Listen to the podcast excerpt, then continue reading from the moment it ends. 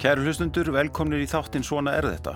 Ég heiti Þraustur Helgason og viðmældi minn er Hannes Holmstedt Gísurarsson, profesor í stjórnmálafræði við Háskóla Íslands. Hannes Holmstedt hefur verið einn öttulasti talsmaður frjálsíkja á Íslandi síðustu ára tíu og sjálfsagt skinja fleiri en ég, hann sem einn helsta hugmyndafræðing sjálfstæðisflokksins. Ég ætla að ræða við Hannes Holmstedt um frjálsíkju og einn af helstu stjórnmálamönnum hennar Margretti Thatcher sem er eitt af megin umfjöldunarefnum nýjustu þáttaraðarinnar um The Crown á Netflix. Við munum ræða um framgang frjálsíkja á Íslandi, um stjórnmálaskóla sjálfstæðisflokksins, um gaggríni á frjálsíkjuna, um misskiptingu auðs og um átök hægri og vinstri í stjórnmálum þessararaldar.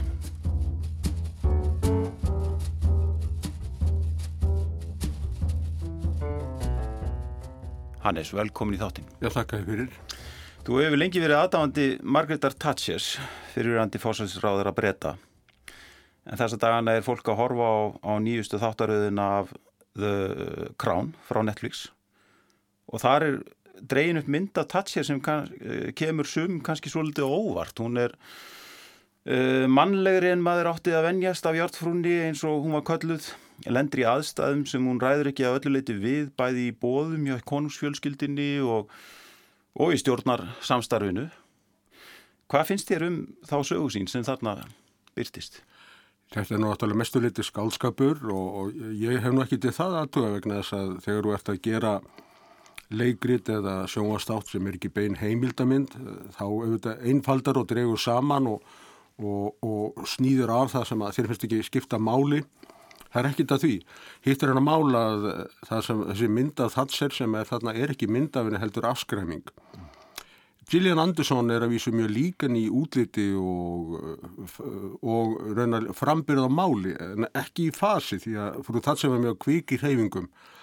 Ég hitt hann nú nokkur sinnum, ég held að ég hitt hann einu fimm sinnum, þrísa var hann í svona fjölmunum bóðum þar sem að menn standa nú bara í röð og, og segja einhver kurtisis orð en ég hafði tvís að tækja verið til að tala dálítið við hana. Í fyrsta, fyrsta lagi einu sinni sendir á því Íslands þegar að Mart Lahr sem var fórstaraþur Íslands var að gefa út bók og hún kom þangað og síðan líka í, í veislu þegar hún var að afhenda verlun fyrir bladamersku. Þá var ég beðin um að koma til hennar og sitja hjá henni og spjalla við hana. Og hún er náttúrulega mjög minnistæður personleiki, afar elskuleg og en stjórnsum Mm. Það, það blasti við og hún hafði orðið mest allan tíman, hún var nú ekki beininis að, að mikið að svona, hlusta á það sem að ég var að segja, hún var miklu frekar sjálfa að tala. Já. Hún orskaði mér nú til hamingi með það að ég væri frá landi sem ekki var í Evrópusambandinu, Já. Íslandi og við rættum daldi mikið um Evrópu, meginlandið og hún sagði, e, svo ég bara vittni bara beint í hennar The problem with the people on the continent is that they've never understood the British tradition or liberty under the law.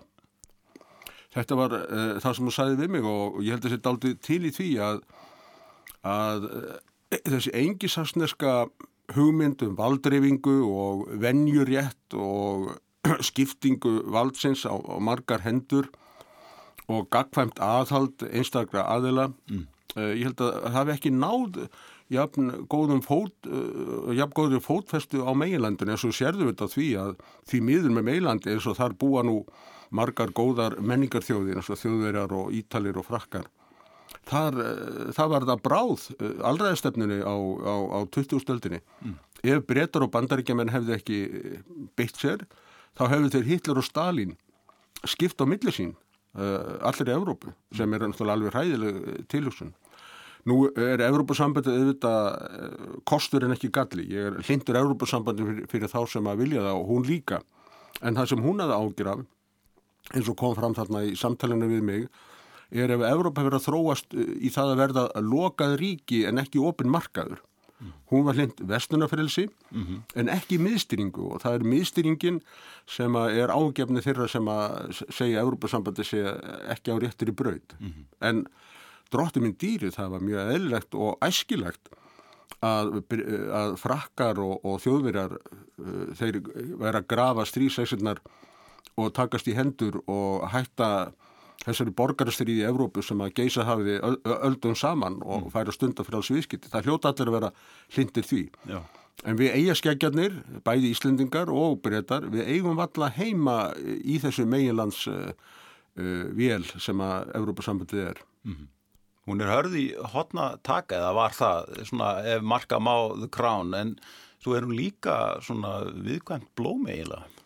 Það eru náttúrulega allir uh, tilfinningaríkir en eftirvill var það sem að mönnum fannst mest tilum hana og mér uh, líka hversu hugurökkun var. Mm og það er eitt sem menn eru búin að gleima í The Crown þá er verið að tala um það að hún hafi verið að stopna til deilna og sundra þjóðinni og, og skapa aðtunleysi. Þetta er mikill miskinningur. Það sem sundraði þjóðinni, sem skapaði ófriðin, það var að verkefliðsfélagin sættu sig ekki við það að margir menn vildu vinna við nýja tækni í prentiðinaðunum eða vildu vinna í námum sem að þó að meirhlutin í stjórn námumennafélagsins hefur búið að verkvall og það voru mikil átöku í Breitlandi, ég var í Breitlandi á þessum árum, á nására mínum. Mm -hmm. og, og þau voru vegna þess að verkefliðsfélagin vildi ekki lúta lögunum. Og hún var að framfylgja lögunum þannig að það var ekki hún sem var að sundra bresku þjóðinni, það voru verkefliðsfélagin og sem hún gerði var að hleypa nýjum anda í Breitland, það var að dýnamísku sveigjanlegu hagkerfi. Og þar eruðu uh, framfæriðinni frá 1982 til 2008 mjög miklar, það var meiri hagvöstur þar heldurinn í sambarilugum landum eins og bandaríkjunum Þískalandi og, og Breitlandi og það fór skindilega að vera allt í lægi að menn væru hagsínir, sparsamir, yðjusamir og legðu fyrir og grætti fjö. Mm -hmm það þótt ekki að því í, hérna, eftir að frú Thatser náðu völdum og beitti sér fyrir þessu endur hvarfi til hefbundin á borgarleira gilda, ef við getum uh, sagt svo. Mm. Hvað var það sem gerði hana að, að uh, þessari áhrifa miklu konu í, í sé, stjórnmálum uh, í lok síðustu aldar og þá sérstaklega í, svona, í, í frjálsíkinni og, og Hva, hvað er það í raun og veru sem að gerir þessum, þessum stóra karakter í? Ætlaði sé ekki þetta sambland sem Machiavelli talar um af eh, hugrekki og kænsku því að hún var í senn hugrekki eins og ljón en hún var líka slæg og kæn alveg eins og alveg eins og reyfurinn mm -hmm.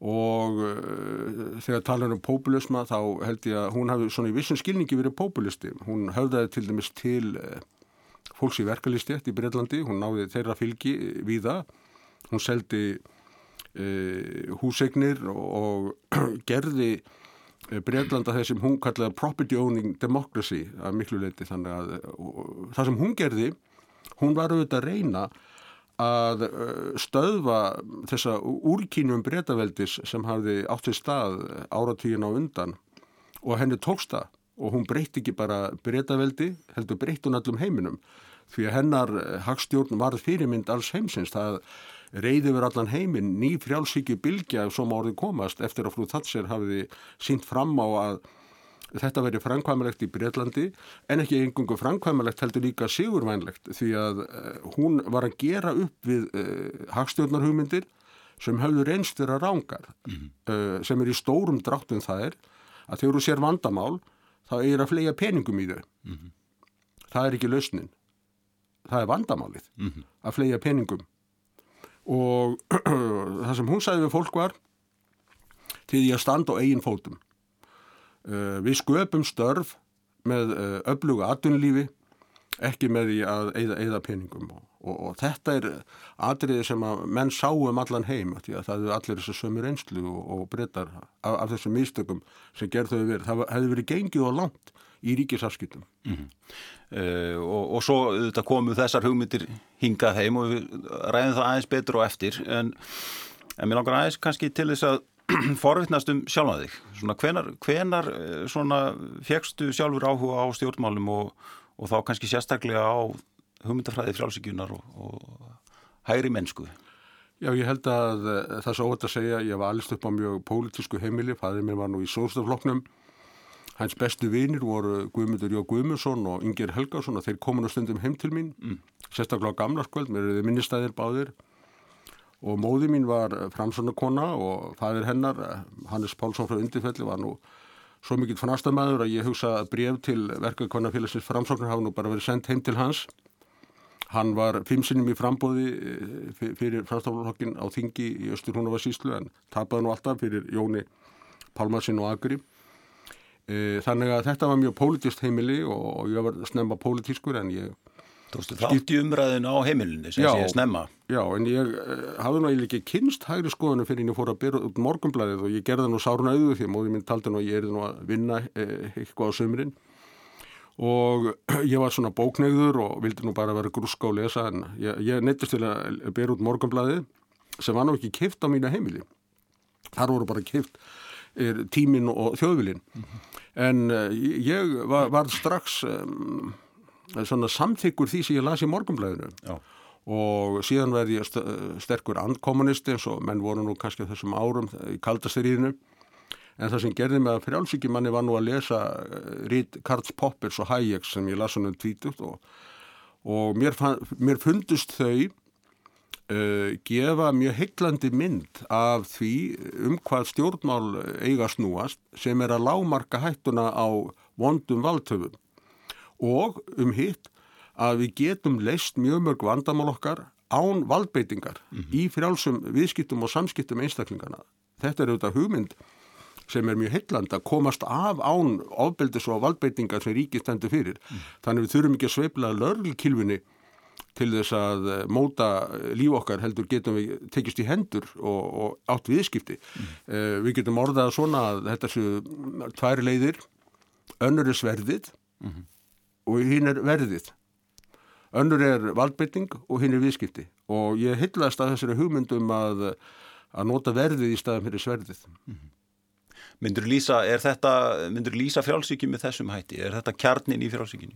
Já, ég held það, það, sé, það og síðan eh, það sem ég skrifaði nú mína doktorsýrgerðum í, í Oxford var að til viðbótar þessari hugmyndum frjálsvískipti til þess að leysa úr málum og sem að síðan um, e, valda því að hagvustunni verður ör og, og lífskjörnum batna eins og reynslega nú sínt síðustu 200 árin Til viðbútar þessi verður síðan að koma síðferðilegu grundvöldur sem fólkið sé í svona borgarlegum digðum, fjölskyldunni, eh, stundum kirkjunni eða öðrum eh, atriðum sem að knýja menn til eh, síðleira hegðunar og eignaréttunum og festu og samfældni í, í þjóðfélaginu. Mm. Þannig að það þurfi til viðbútar við viðskiptin, þá þurfi íhalsum gildi. Mm.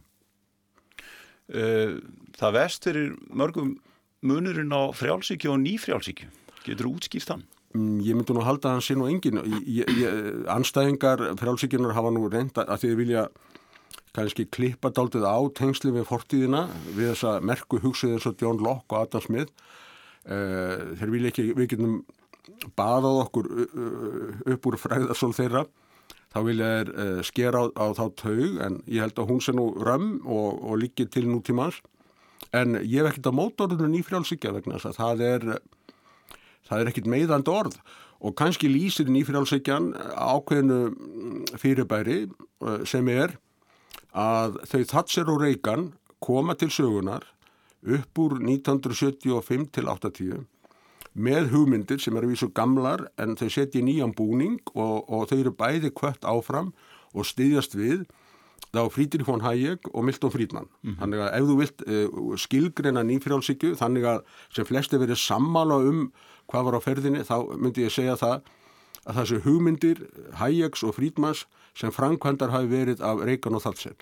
Emmitt Hérna, hverjir eru svona þínir helstu áhrifavaldar í þessum fræðum og þá, þá uh,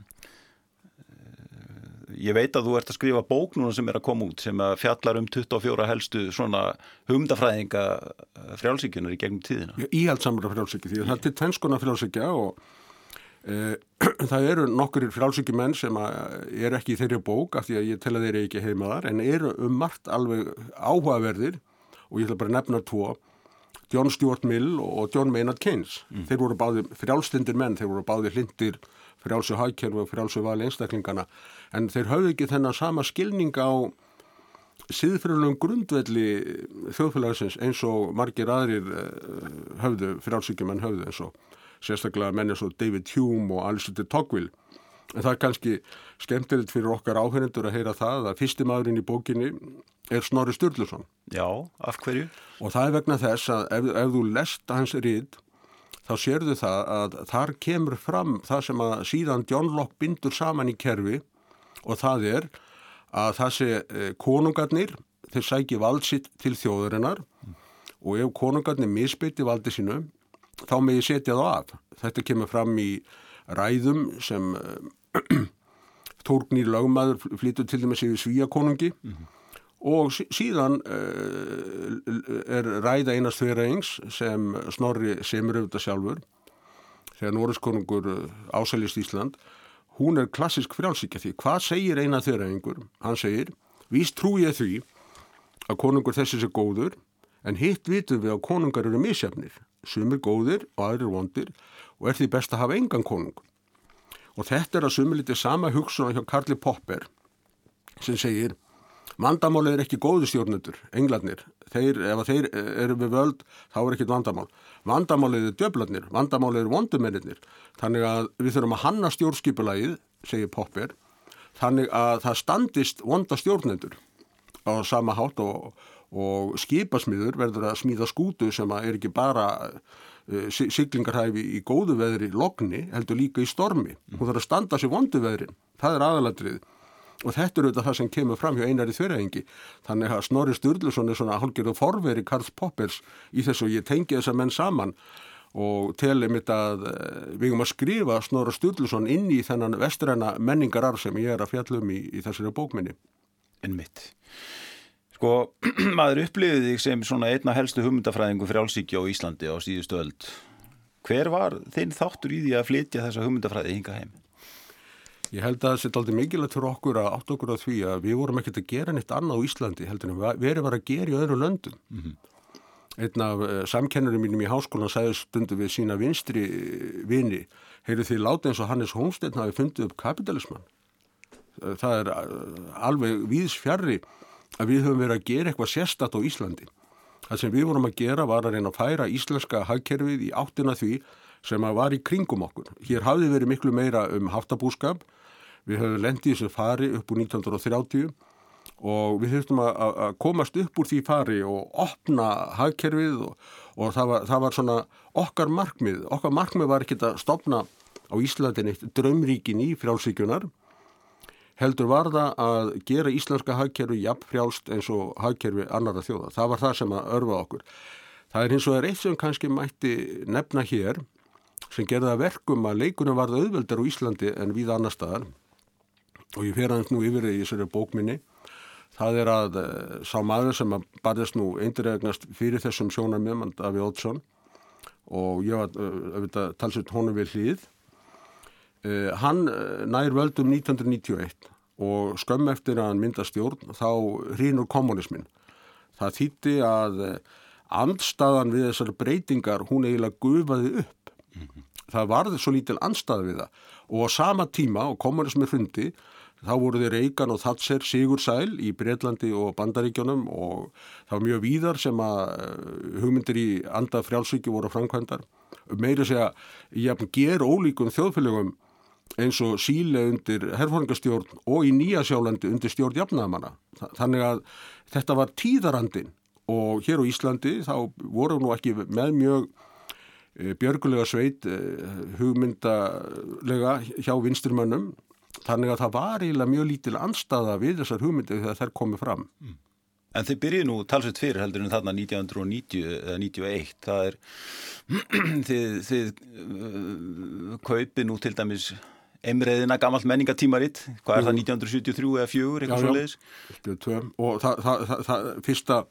Þar byrjar hefti... kannski þessi svona eiginlega svona já, málflutningur eða? Já, já, það er alveg rétt og það var út af þessu að það voru svo margi sem fannst að, að það væri ekki gefin lífstanda loft á Íslandi, það væri, hér voru náttúrulega, til dæmis allir bankanir voru ríkisbankar nema bara pínu litli bankar sem hefur verið stopnaður í halgjörðu mótmálaskinni við ríkisbankana Hér var eh, bæði innflutningun og útflutningur reyður í fjötra og uh, það mátti ekki koma með lítasjónvarp.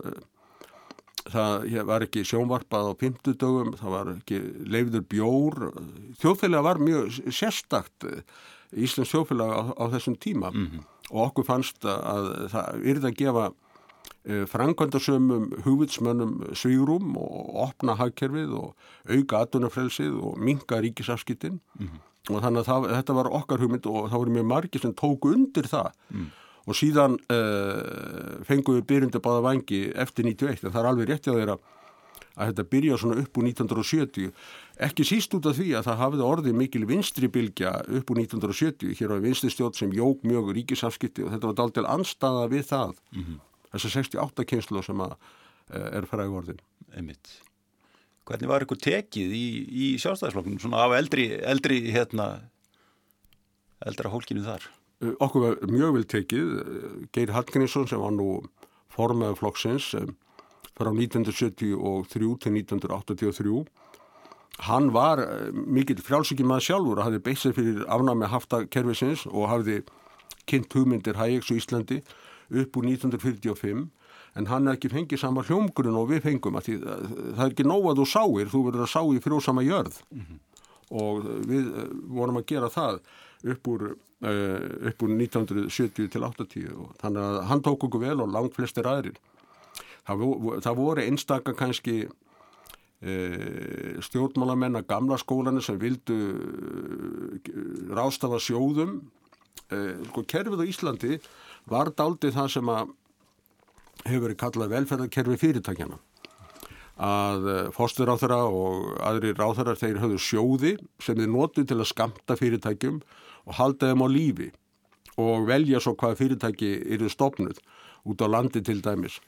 Þetta var ratuntryggingasjóður, um, byggðasjóður, uh, frangvandasjóður, það var mikið slíkum sjóðum og uh, sömur þótt ekki verra að hafa þessa peninga til að geta keift sér atkvæði og þeir voru dálítið andvíðir í að færa hagkerfinu í frjálslindara horf. En þeir fengu bara ekki mjög mikið hljómgrunn því að gamla kerfið var gengið sér til húðar því að hér hafi verið svo mikil offjárfesting. Að sem það ekki er að ef að stjórnmálamenn ákveða hvaða fyrirtæki eiga að sprett upp og halda lífi mm. Þá taka þær ákvarðanar út frá pólitískum hagsmunum sínum en ekki út frá arðsemi fyrirtækjana það er arðsemi fyrirtækjana sem á að ráða úslutum um það hvaða fyrirtæki halda velli og hver hætta starfsemi sinni mm. og það er gatnið við öll ríkisafskipti að það er svo erfitt að leiðra þetta mistök þegar þú ert með ríkisafskipti mm. en á markanu gerist það bara með því að þitt fyrirtæki það tapar og ef þú heldur upptögnum hættu og lagar ekki að nýjum aðstöðum og þá bara ferða hausin Já. En svo Sé, það, það er senst 1991 sem að frjálsíkja nær svona eiginlega fótfestu kannski í íslenskum stjórnmálum. Já, afrið, að þínum að það... og svo fyrir það gerast í raun veru mjög rætt svona næstu ára og eftir og hérna við gungum í ES og, og, og hérna og svo er enga vengbanka og fleira og fleira sem að, sem gera svo annar ríkisfyrirtækja. Já, það sem að gerðist auðvitað 1991 var að Daví Ótsson tæmdi hjá sér byggstofuna mm vegna þess að fyrsta verkans var að leggja niður allar þessa sjóði eða setja þeim með stranga reglur þannig að það hætti að vera raunverulega skilvirkir og hætti að útluta peningum að velja hverjir ættu að eh, reyka aðdana fyrir þetta ekki og hverjir ekki. Það var eh, neytendur sem áttu að, að velja það. Þetta var fyrsta skrifið og síðan var mjög mikilvægt að ná verðbólkunni niður og, og koma eh, lægi á ríkisfjármálinn og þetta var hvort ekki að gert og síðan smánsamann voru fyrirtæki seld og uh, það var til þess að þau voru miklu betur reygin eftir en áður því menn fara betur með eigið fyrir annara og síðan voru skattalækkaðir og, og það uh, hafði bara mjög góðan árangur. Við sáum til dæmis hér á Íslandi þegar hinn svo kölluði laffer áhrif sem eru fólkin í því að ef þú lækkar skatta þá breytir þú haugðun fólks, það skapar meiri verðmæti ef það fær að hýrða meira því sjálf og ef þú skapar meiri verðmæti þá ekst skattstofnin eða stekkar skattstofnin sem þú hefur. Besta dæmi er þetta, um þetta er munurinn á Sviss og Svíþjóð að, að þar voru e, tekjurnar af te, te, te, tekjurnar með helmingilæri sköttum í, í, í Sviss voru nokkur den svipaðar eins og tekjurnar e, með helmingi herri sköttum í, í Svíþjóð og það var út af því að skattstofnin var svo miklu stærri verðmættasköpunni var svo miklu meiri ef þú, ef þú uh, leif, leifðir fólki að halda eftir sínu sjálfsaflafjö. Mm -hmm.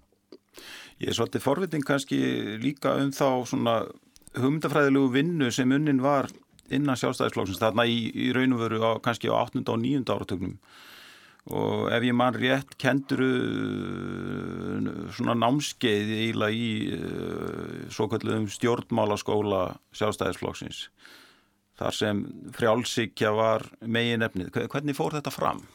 Ég held nú að vísu að það hafi ekki ráðið mjög miklu um þróunina. Það sem var kannski áhrifamest, það var, eh, voru þessi tvö tímaritt sem voru gefin út, annars verið Imriðinn frá 1972 til 1975 mm. og hins vegar Frelsið sem var gefið út frá 1980 til 1987. Þau voru áhrifamikil. Ja. Stjórnmálaskólinn var meira svona bara haldinn á hverju ári. Það, ég held að hann hafi ekki skipt neitt mjög miklu máli. Þetta skipti máli og síðan held ég að einbreðar hópurinn uh, hafi skipt miklu máli. En það er þó svo... Hver, hverju voru, svo, til að rifja upp fyrir lustendum, hverju voru já, í honum? Í þessum hópi voru nú til dæmis Davíð Oddsson og Þorstir Pálsson og Geir Horti. Mm. Ég var í honum og Þór Vætið profesor og Þráin Eggesson profesor og Brynlúð Bjarnason og, eh, og fleiri ágætti menn. Kjartan Gunnarsson? Já, Kjartan Gunnarsson. Já. Og þetta var öflugur hópur sem náði undirtökunum en það er eitt sem er þóttaldi fróðlegt ef þú hugsaði aðeins málið að þeir sem að voru þá kannski keppinautar okkar í röðum unga, unga, ungumannana menn eins og Jón Magnússon og, og Friðrik Sófusson og fleiri þeir voru sammál okkur um þetta mm -hmm. þannig að það var engin hugmyndalur ágreiningur inn í sjálfstæðiflokknum um að það yrði að auka frelsið í atvinnulífinu það voru allir sammál um það mm -hmm. svo að Uh, átökin voru ekki í rauninni nein, nein um þetta, átökin voru við vinstrimenn en síðan eins og ég sagði áðan þá lömuðst heildaldið við hrun sósialismans og við uppgang Reykjans og Tatsins mm -hmm. uh, Hvernig hefur sjálfstæðisflokkunum síðan þróast að þínu mati svona á þessari öll síðustu 20 ár? Hann, náttúrulega þjóðin var fyrir miklu áfalli mm -hmm. í bankarhuninu og, og, og sjálfstaflokkurinn hefur auðvitað ekki borðið sitt bar síðan vegna þess að, að bankarhunni varða á hans vakt og það er í sjálfs ekki e, það er ekki takt að það er ekki við því að segja þetta bara gerðist á þennan hátt ef við sjáum að núna þegar við horfum um auksl að það er ákvarðinu sem voru teknar e, fyrstu vikurnar í bankarhunni voru mjög farsælar og til dæmis það að, að takmarka ábyrð ríkisins, veit ekki ríkis ábyrð korki á erlendum innlendum innstæðum heldur gera innstæðu eigundur að, að forgámskröfu höfum í búbankana það var mjög skinsanlegt að takmarka þannig ábyrð ríkisins. Og við komum miklu betur út úr þessu heldur en að menn heldur þá. Og það er eitt sem að ég held að þetta sín okkur. Og það er það að þessar umbætur sem að voru gerðar frá 1991 til 2004, kannski áfram til 2007-2008, það skiljuð svo miklum árangri og hagkefi varð svo öflugt að við stóðum þetta af okkur mm. og við fórum að ná uh, hagvesti aftur 2012-13. Mm. Þetta er þögult kraftaverk. Hvað Íslendingar gáttu staði vel af sér þetta ofboslega hrun og þessa aðföra að Íslandi sem var gerð á þessum árum og það var út af því að við höfum eft svo hagkerfið á þessum árum frá 91 til 2008. Hefur eitthvað breyst í stefnu sjálfstæðarflóksins að, að þínum aðti á síðustu árum? Ég held að það hefur nú gerst allstaðar að, að það hefur svona orði breytingar sem við erum ennþá átt okkur á.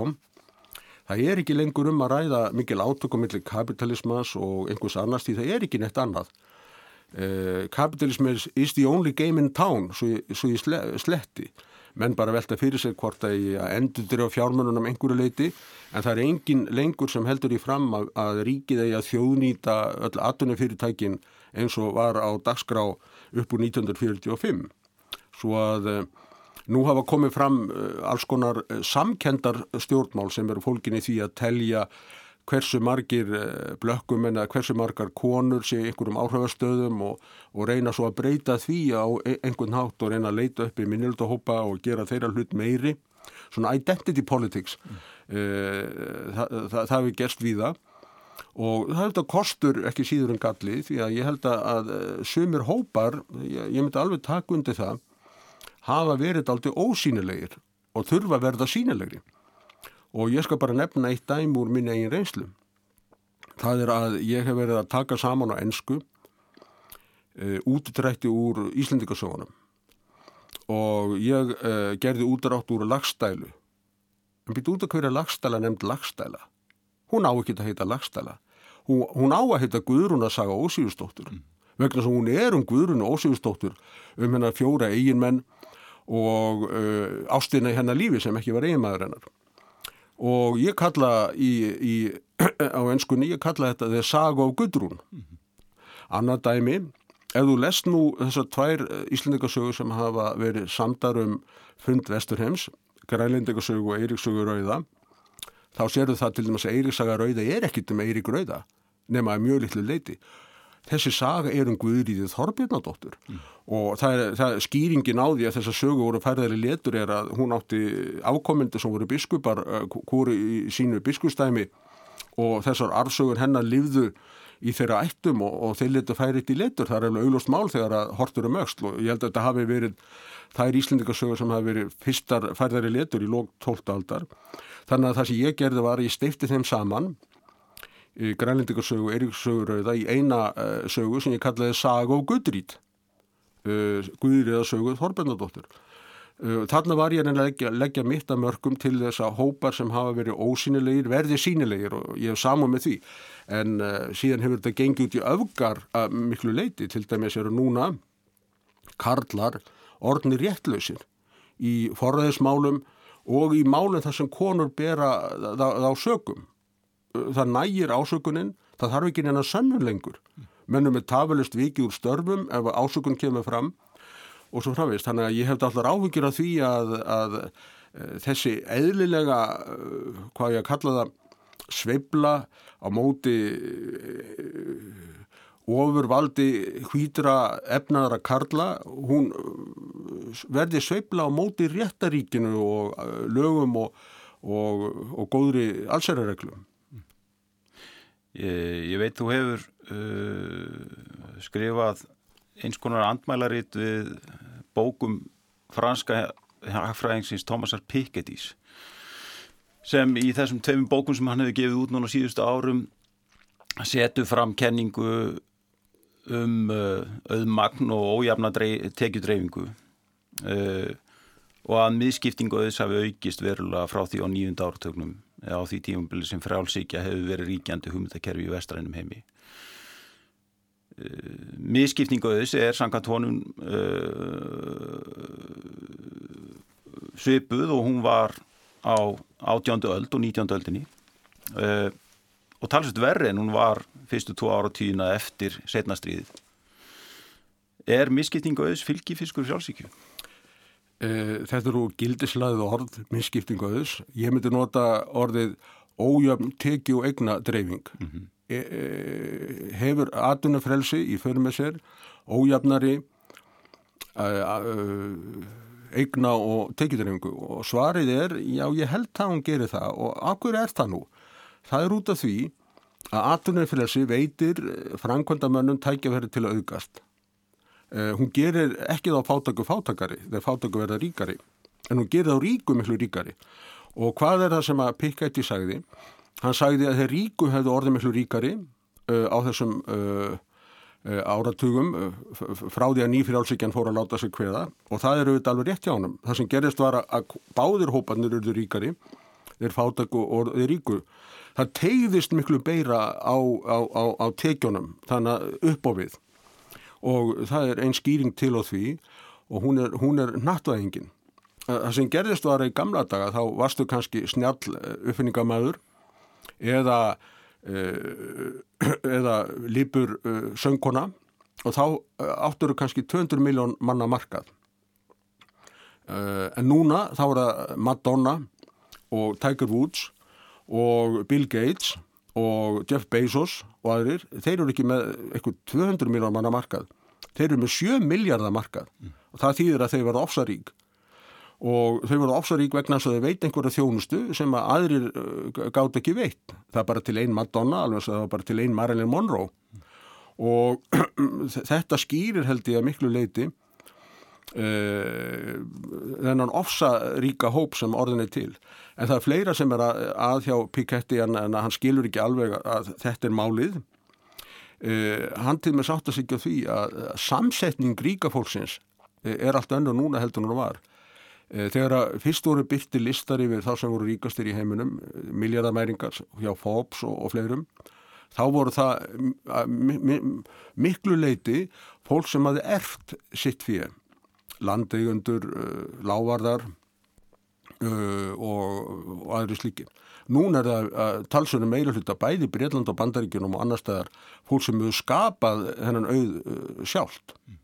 og það, það er mjög merkilegt.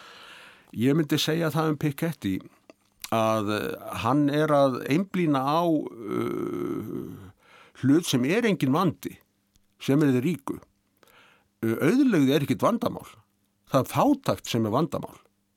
Og hinn gamli hugmyndafræðingu félagsíkjunar og jafnarstefnanar John Rawls hann uh, sagði að réttlagt og gott þjóðfélag verða það þjóðfélag sem að kjörðira vestsettu gæti, gæti orðið sem best. Það er intakið í hans bók að Þýru Justice sem kom út 1971 og hafiði mikil áhrif að marga jafnamenn en Piketty hann er ekki að reyna að lifta upp þeim fátaku hann er að reyna að tróða niður þá ríku fyrir honum virðist að vera eitthvað sérstætt vandamál einhverju sér ríkir. Ég segi það er bara ekkit vandamál. Ég get sofið á nætuna þótt öðrum gangi vel. Hann eh, Piketty setur fram ákveðna leið til þess að mitt að gera það sem þú ert að, að tala um eh, að jafna tekjudreyfingu sem fælst í því að sko, hans leið fælst í því að einstaklingar fái eins konar meðgjöf frá ríkinu um til dæmis 25 ára aldur. Og, og það hefur verið að tala um umtalsverða upphæð 10-20 miljónir ef ég skilir það rétt. Uh, og þá fjármagna þessa meðgjöf með, meðal annars með því að skatleggja erð, erðafíu og ég svona ger ekki ráð fyrir að þetta sé hugmynd í anda frjálsíkjumanna en sko þú, þú nefnir hérna ákveðna hugmynd sem er kannski leið frjálsíkjumanna til þess að jafna tekjudreifinguna sem þú segir að sé raunveruleiki. Hvað svona er það ekki rétt um að þetta væri alls ekki í leið sem að þið mynduð sætt ykkur við? Hvað mynduð þið í raun og veru gera í staðin hvað, hver, er, hver er leið frjálfsíkjumanna til þess að jafna tekjudreifingu? Já það þarf bara ekki að jafna tekjudreifingu. Þetta er gerfi vandamál það er ekkert vandamál þó að þróunni verði þannig að það fjölgi tækifærum, gróðatækifærum þannig að sumir tækja sér tækifæru að verði ríkari. Það sem veri vandamáli ef aðrir eru fátakari við en það er alls ekki svo. Og við sjáum þetta kannski best ef við ímyndum okkur eitthvað þjóðfélag þar sem er eitthvað ákveðin tekjudreifing. Svo líða tíu ár og tekjudreifingin orðið þannig að þeir fátakau er orðin aðeins ríkari heldur en þeir voru áður en þeir ríkur orðin er miklu ríkari.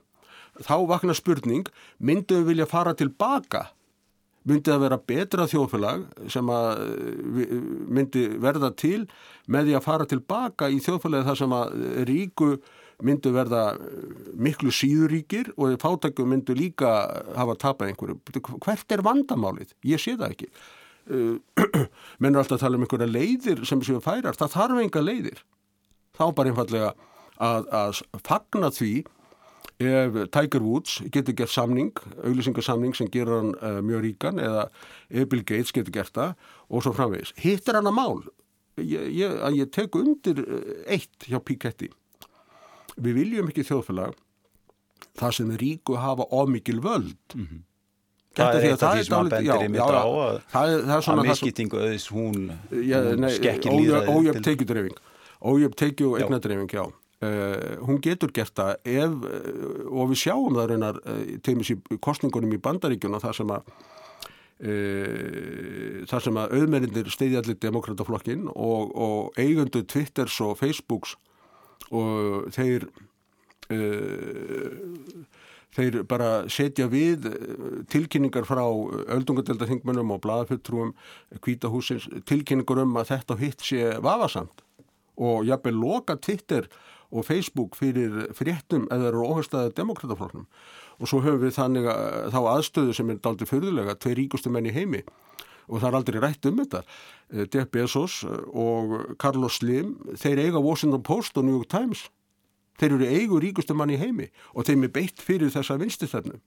Þannig að, að þetta vald sem Twitter og Facebook hafa er e, eh, áhugjefni og ég hef tekið dæmi til þess að útskýra þetta, við skulum segja það eh, og þetta er kannski það sem að mm, uh, það sem að fyrir álsíkjan þarf að temperast uh, Við skulum segja það að allir vegir væri í enga eigum og svo myndi þeir að einhvern hátt komast í eigu einhvers manns sem veri kynþáttahattari. Og svo myndi hann segja nú mig að blökkum en ekki aga um þessa vegi, þeir eru mín eign og ég ræði hverjir agaðar og blökkum er mig ekki agaðar. Þetta verður þetta alveg óþólandi, ekki satt? Mm -hmm.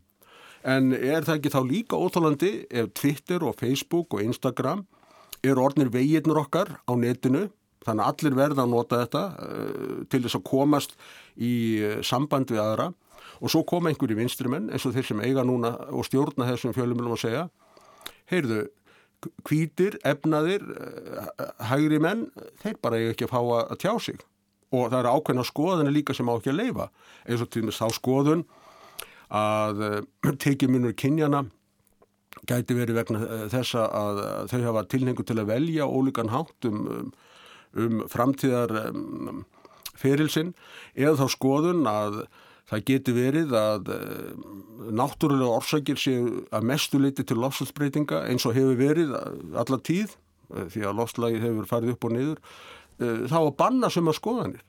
Þannig að ég, ég er þeirra skoðunar að, að, að þetta vald sem að auðmenn hafa uh, það geti verið hættulegt. En við sjáum að það verið að beita því núna fyrir vinstri mennsku ekki verið hægri mennsku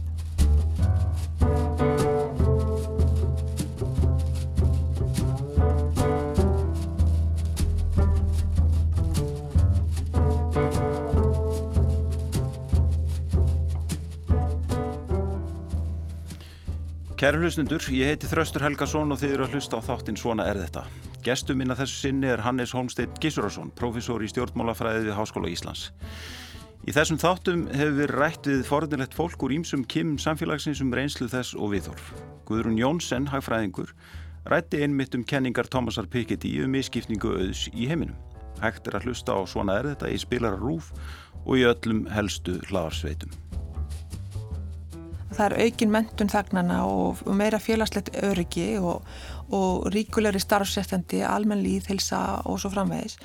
En við erum með allt þetta á nýjöndaðartögnum en samt er ójöfnurinn að, að vaksa. Mm. Og þá er í rauninni bendir pikkandi á að, að skattheimta hefur verið að breytast, eh, stórfyrirtæki er að koma sér undan skatti stjórnmálamennir vegra, vegra sér við í að, að leggja skatta á til dæmis erðaréttindi eða erðir eða erðaskatt mm -hmm.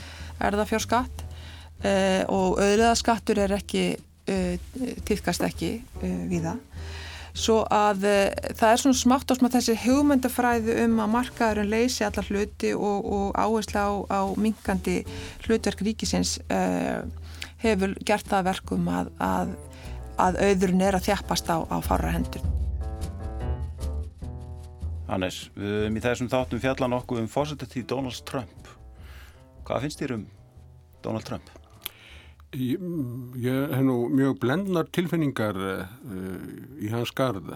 Ég, mér finnst það að vera algjörruti mm. og dóni og mjög oforsutalegur. Uh, nú það kann nú að vera hlut af aðdærduraflans fyrir venjulegt fólk sem kann vel við það að, að svona uppeldum um, mentamennur sem sagt í syndana. Það kann vel að vera. Og annað sem ég hafði á mótunum var að hann, hann er með tollvendastefna, hann er á móti frjálsum viðskiptum, ég er mjög hlindur frjálsum allþjóðu viðskiptum. Mm. En ég verði að segja það, þó ég segði nú ofinbeglega 2016 og þá myndi ég hafa kosið Hillary Clinton en ekki Donald Trump að núna myndi hafa kosið Donald Trump því að hann er staðið sem miklu betur sem fórseti heldur en uh, ég bjóst við. Hann lækkaði skatta, hann uh, afnam fjöldan allan reglugerðum, hann stilti sig um það sem allir fórseta bandaríkjana hafi hins og að gert að vera að senda herliðin inn í lönd. Mm.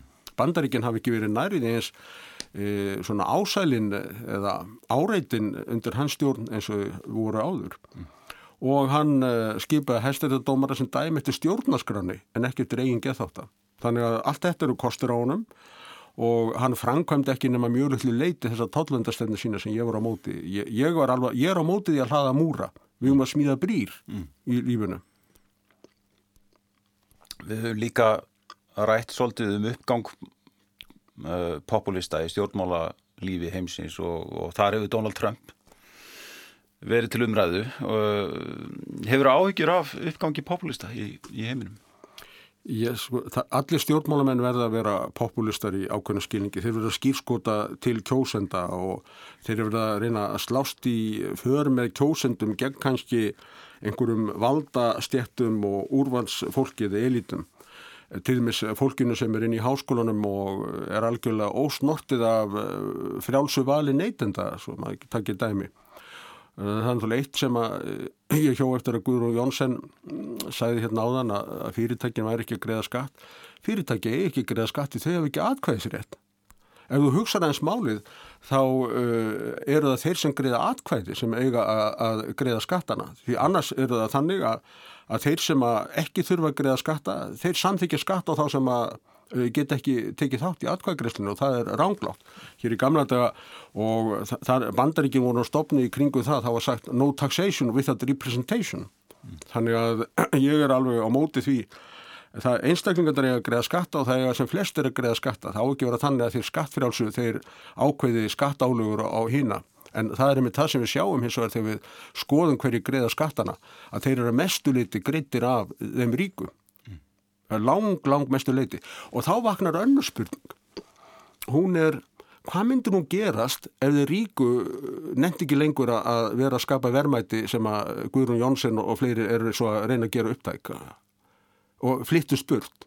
Um þetta er skálsaga einn rand, eh, allar srögt eða undirstaðan á íslensku sem að ég, ég veit að þú hefur eh, þú hefur minnskusti blaðið í að ég hafði lesið og hún spyr mjög ágættar spurninga það hvað gerist ef að fólki sem skapa verðmæti flist burt? Og þetta var áþrifalögu veruleiki í Svíþjóð uh, í, í kringum 1980-90 því að uh, framkvæmdamennir, þeim sem sköpuði fyrirtæki þeim sem stopnuði fyrirtæki þeim fluttist burt. Og öll störfi í Svíþjóð á þessum árum urðu til í ofinbæri geranum, ekki í enga geranum og þetta gengur ekki til lengdar. Við verðum að hafa öflugt aðtunlíf og ef við hefum öflugt aðtunlíf þá höfum við efnaði að hjálpa þeim sem eru hjálpar þurfi, sem eru sára fáir uh, og þá þurfum við ekki vera að hjálpa þeim sem geta bara að hjálpa sér sjálfur. Lang flestir geta að bjarga sér sjálfur og það er einn þversög sem við sjáum núna í nútímanum sem enginn bendir á sem er að velferðaríki þennst út á sama tíma og þörfin fyrir velferðina verður alltaf minna og minni að því að, að fleiri og fleiri e, eru sæmilega efnum búnir. Tímin er að hlaupa frá okkur, það var hérna sannlega uh, gaman að ræða þetta allt saman miklu betur það sem við erum að nefna hérna en kannski eitt af lokum, það er svona uh, þessi hægri vinstri stjórnmál sem að einkendu síðustu öld hvernig svona hvernig sérðu þau uh, hvernig, hvernig er svo baráta núna uh, þessi árin? Uh, hvernig hefur þetta samtal millir hægri og vinstri eða, eða, eða, eða rökraðan millir hægri og vinstri sjónam eða farið fram á síðustu árum og hvernig sér það fyrir þér að, hvernig sér það fyrir þér að hún munið þróast? Við sjáum reyndar sko þú nefndir hérna áðan að, að að umræðan er að, er að þróast meira í áttina að eh, semst, átökum um umhverfismál, um, um minnilhuta hópa uh, en síðan sjáum við líka til dæmis bara hér á, á, hér á landi að það er verið að stopna, nýbúið að stopna sósialistaflokk í Ísland sem virðist svona að sækja sína áræðu meir og minna til síðustaldar. Já, ég held að þetta samtal vinstur og hægri sem átti sér stað á síðustu öld hafi nú lókið með því að menn sáu það að sósubrin hafi algjörlega mistekist. En núna er ekki reynd að halda upp inn einu samtali, heldur er reynd að þakka neyður í hægrimannum. Maður sér það til dæmis í háskólum að menn með ekki verið með hægriskoðinu, þá eru bara reknir. Og, og, og, þetta sætir algjörðu fyrðu að fylgjast með þessu.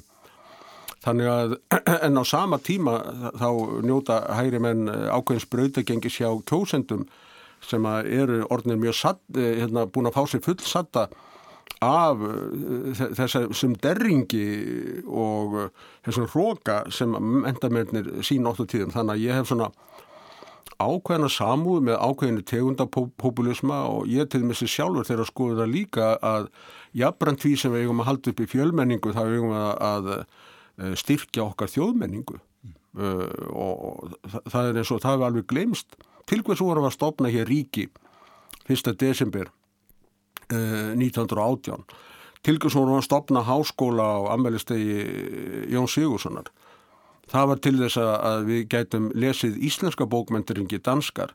Við myndum lúta íslensku lögum ekki danskum og við myndum skrifa á íslensku, ekki dansku og núna gætum við tekið enskuna eða belgiskuna sem er að vísa ekki til en er, er, það tungumál sem að samkennari mínir í háskólanum vilja tala þannig að ég held að átökin núna verði að miklu leiti um það uh, hvort að við eigum að hafa, hvort við hægri menn eigum að fá að hafa frelsi til þess að halda fram hægri skoðunum uh, og hvort að umburalindi sem er aðal vestarna menningar halda fram vera til. Það er mjög áhugavert að fá því í þáttinn, Hannes Solstedt. Takk, Takk fyrir komina. Kæri hlustundur, við verðum hér aftur á viku liðinni. Góða stundir.